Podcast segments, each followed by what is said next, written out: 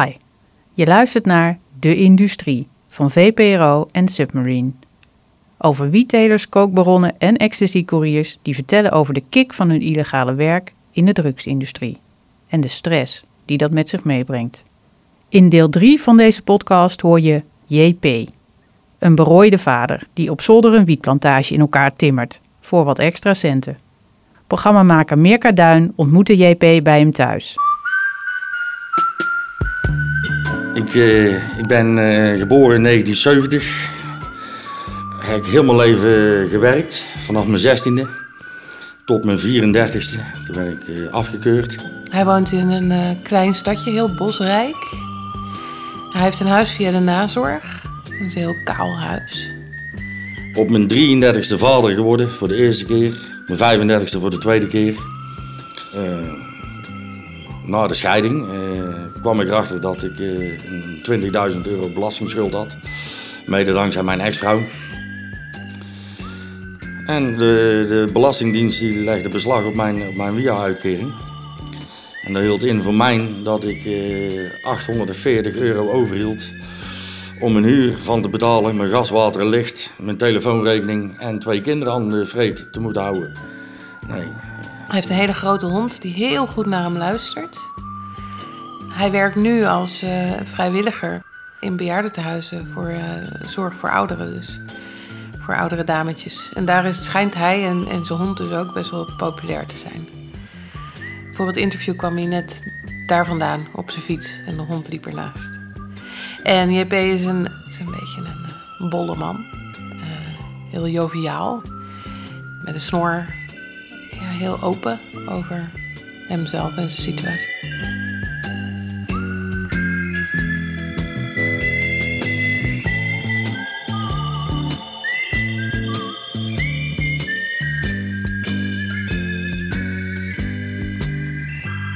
ik had niks.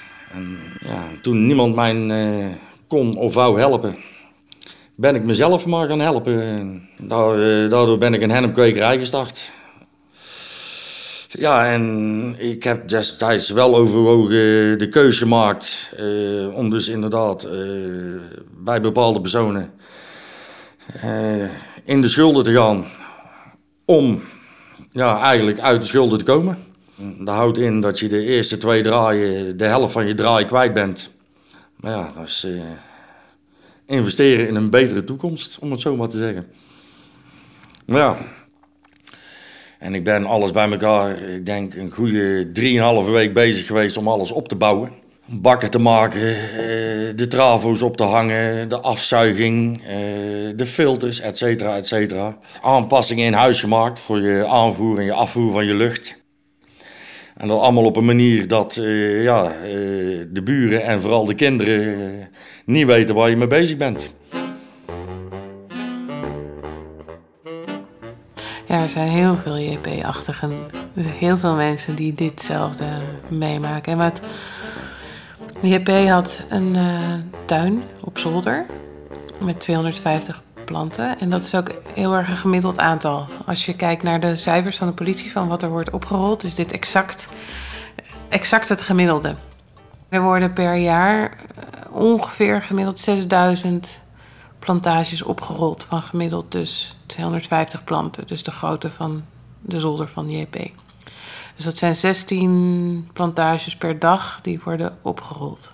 En wat heel veel mensen denken is dat er, of tenminste wat er ook wordt gezegd vanuit politie vaak, is dat eh, grote organisaties mensen benaderen of zij niet op zolder hun plantjes willen neerzetten. En dat er dus grotere organisaties zijn die op meerdere zolders, in meerdere sociale huurwoningen, planten hebben staan. En dat gebeurt ook wel, maar wat je ook gewoon heel vaak hebt, is dat mensen gewoon niet rijk zijn en zelf denken: ha, laat ik die plantjes daar gaan neerzetten. En dat was in JP's geval. Dat hij heeft dat zelf opgezet. En hij had natuurlijk ook geen geld om die investering te doen. Dus hij heeft zelf wel mensen benaderd die er meer van wisten. Dus, eh, en dat gebeurt heel veel. Ja, heel veel.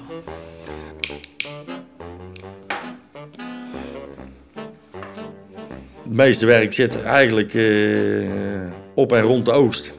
Dat zijn eigenlijk de, eerste, de enige anderhalve week dat je het echt heel druk hebt met de hennepkwekerij. En de, de, de andere 7,5, 8 weken is het gewoon een kwestie van bijhouden. Je hebt wat dingen als, als spint. Spint is een, een, soort spinnetje wat eh, om je top een, een, een, web, eh, een soort web maakt. Ja, dan, dan stikt je top. Ik heb wel eens 240 eh, planten met een stofzuiger, afstandsstofzuiger, ja. Maar eh, zelf, het grootste rotwerk wat er is, is wietplanten knippen. Ik had, eh, ik had een aantal leuke dames die voor mij altijd deden knippen. Die dames regelden zelf de knipadressen. Ik hoefde het alleen maar af te geven. Dat kostte me rond de 12, 1300 euro. En dan was het binnen een paar uur was het weg. Je knipafval, dat, dat loosje. De handel gaat naar, eh, naar de afnemer toe. Hij pakt de handel aan en ik pak de stapel met geld aan. En onze wegen die scheiden weer. Dus de eerste draai die heeft eigenlijk, eh, eigenlijk alleen maar aflossingen opgeleverd. De tweede draai, daar heb ik een duizend of zes aan overgehouden. En vanaf de derde draai ja, had ik het toch wel een aardig eind in de vingers. Ja, dan levert een oogstje ja, ergens tussen de 22 en de 26.000 euro op. In de loop van de tijd dat je merkt dat het allemaal lukt en dat het allemaal loopt zoals dat jij het wil. En als je dan eh, ook nog een keer een gezellige pilsje kunt gaan drinken, wat je al jaren niet meer hebt kunnen, ja, dan sta je toch wel met een, met een big uh, een pilsje te bestellen ja, in de kroeg. Ja, je flikt iets wat niet mag en uh, je komt ermee weg ja, dat is ja, leuk.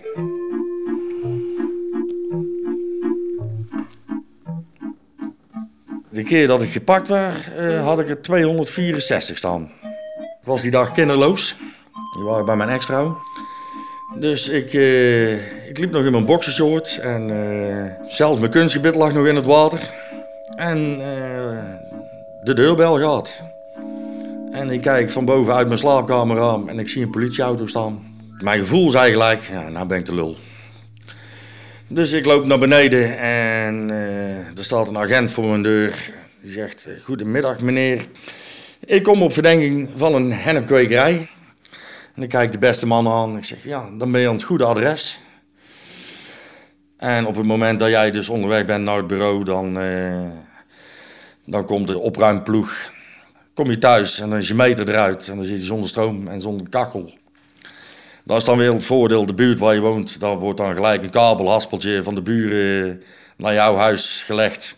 Zodat je wel even gewoon s'avonds tv kunt kijken. De overbuurman die komt met een oliegestookte kachel van de camping. En dan begint eh, de woningbouwvereniging uiteraard met de uitzettingsprocedure.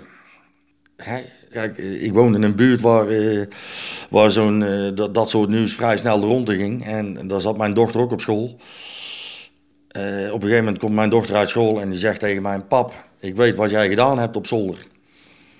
Nou moet je je huis uit. Ik zeg: Ja, dat klopt. Toen zegt ze: Waarom heb je dat dan gedaan? Ik zeg: Nou, meisje, ik wou, als ik met jullie naar de speeltuin ging, wou ik ook eens een keer een ijsje kunnen kopen.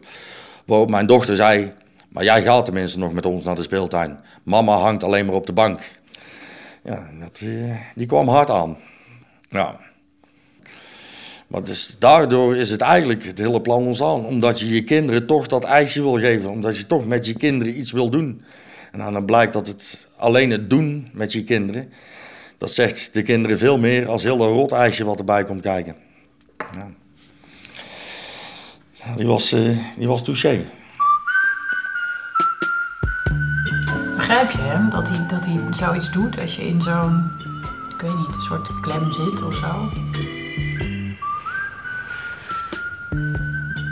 Nee, ik begrijp het niet. Dat, dat iemand zoiets doet. Om die reden, om financiële redenen.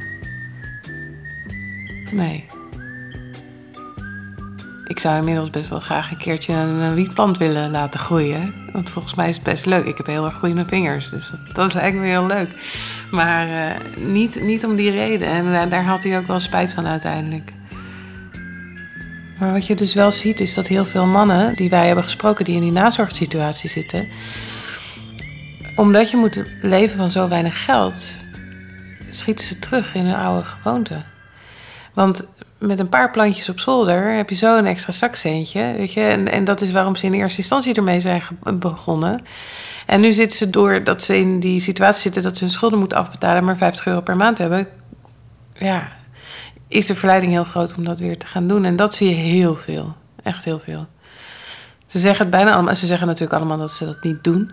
Maar wel dat die verleiding heel groot is.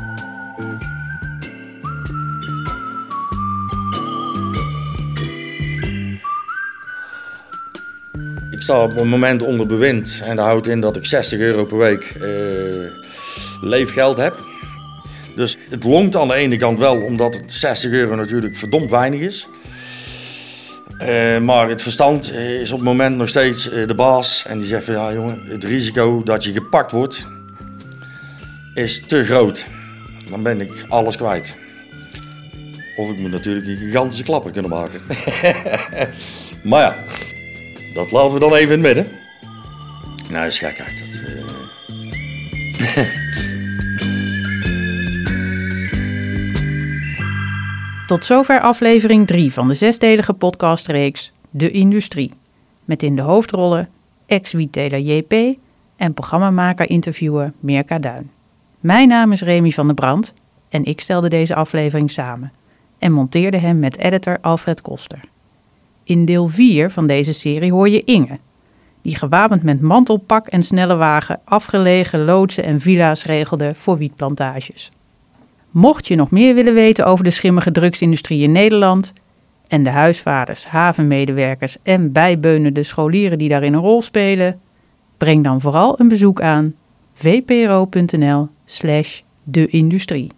De Industrie is een co-productie van VPRO en Submarine en kwam tot stand dankzij steun van het Mediafonds.